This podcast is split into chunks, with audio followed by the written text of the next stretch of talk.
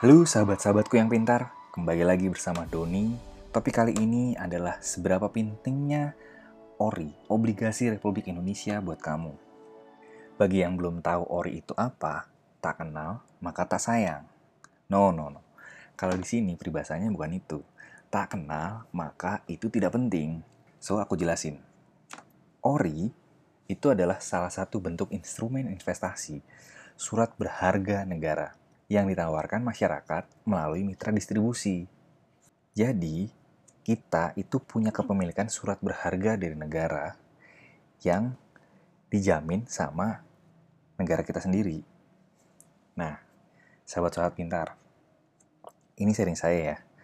Biasanya, saya kalau mau berinvestasi, harus tahu dulu lima hal ini. Satu, aman. Dua, never lose all your money. Tiga, cara kerjanya investasinya seperti apa. Empat, potensi grow-nya gimana. Lima, exit-nya mau akan seperti apa. Aku ulangin ya. Satu, wajib aman. Harus aman. Dua, never lose all your money. Jangan pernah kehilangan semua duitmu. Tiga, cara kerja investasinya seperti apa. Empat, potensi growth-nya yang diharapkan sesuai nggak. Lima, exit-nya akan seperti apa. Oke, aku jelasin satu-satu ya. Prinsip pertama, kita harus tahu dulu aman atau enggak. Jadi, kita harus tahu siapa sih penerbitnya investasi ini. Jelas nggak penerbitnya? Terpercaya nggak kualitasnya? Terus ada nggak legalnya? Nah, kali ini yang kita bahas kan ORI, Obligasi Republik Indonesia.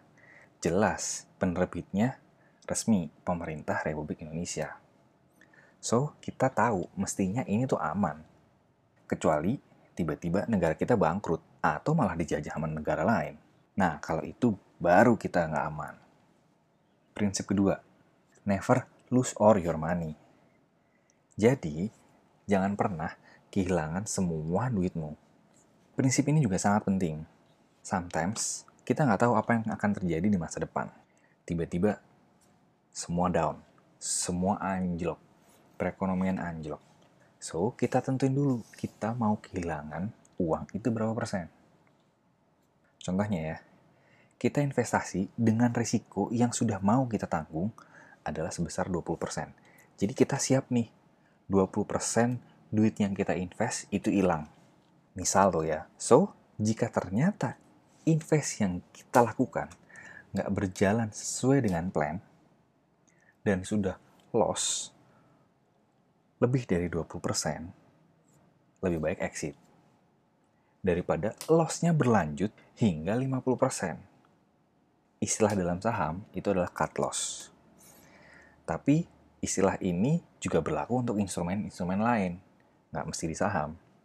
Biasanya ada yang suka nanya nih, ini kan turunnya udah, udah dalam, fundamentalnya juga bagus, pasti bakal naik lagi. Lumayan kan, dapat diskon 20%. Well, menurutku ya, tergantung sudut pandangmu, tujuan apa investasi kamu. Ada quote nih, jangan pernah nangkep pisau yang sedang jatuh. Karena kalau pisau yang sedang jatuh, hati-hati, tanganmu bisa terluka. So, siapin dulu. Kamu mau punya persentase kehilangan berapa persen? Prinsip ketiga, tahu cara kerja investasi. Kali ini yang kita bahas kan ORI. Nah, investasi yang kita beli itu adalah digunakan sama negara untuk pembiayaan APBN sebagai program pemulihan ekonomi dan pembangunan nasional. Jika kita tahu cara kerja investasinya, kita tidak mudah ditipu dengan memberi harapan palsu yang memberikan harapan bahwa returnnya besar untuk investasi. Harapanku sih, sahabat-sahabatku yang pintar ini tidak terjerumus dalam money game. Prinsip yang keempat, potensi growth.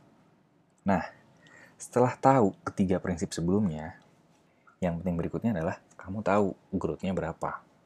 Kamu juga harus punya standar. Berapa persen sih uang yang harus bertumbuh? dalam periode skala tertentu. Misalkan, yang penting harus bertumbuh di atas inflasi.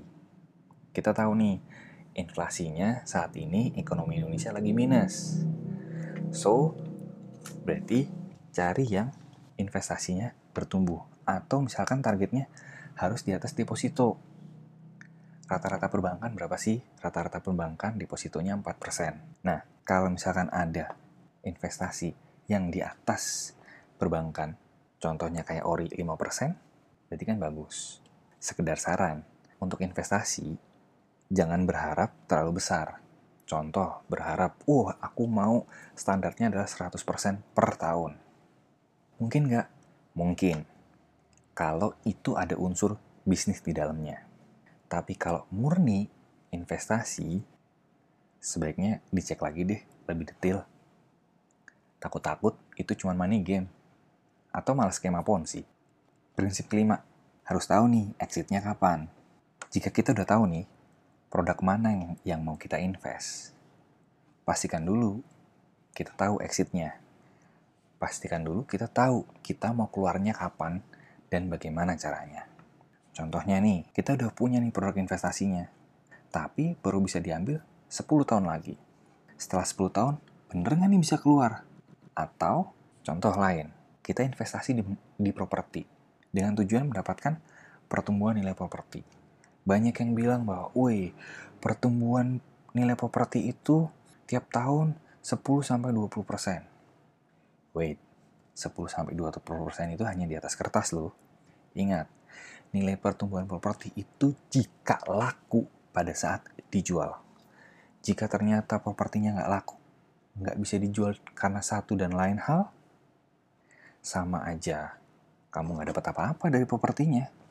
Sama aja kamu susah untuk exitnya. Oke sahabat-sahabat pintar, semoga 5 prinsip tadi menjadi tambahan wawasan dalam berinvestasi. Ulangi ya, yang pertama harus aman wajib banget aman. Dua, never lose all your money. Kamu tentuin dulu standarmu kalau mau kehilangan dalam investasi berapa persen. Ketiga, tahu cara kerja investasinya. Keempat, potensi growth-nya. Nah, kamu bandingin, kamu rela hilangnya berapa persen, sama kamu pingin berharapnya bertumbuh berapa persen. Yang kelima, exit-nya akan seperti apa.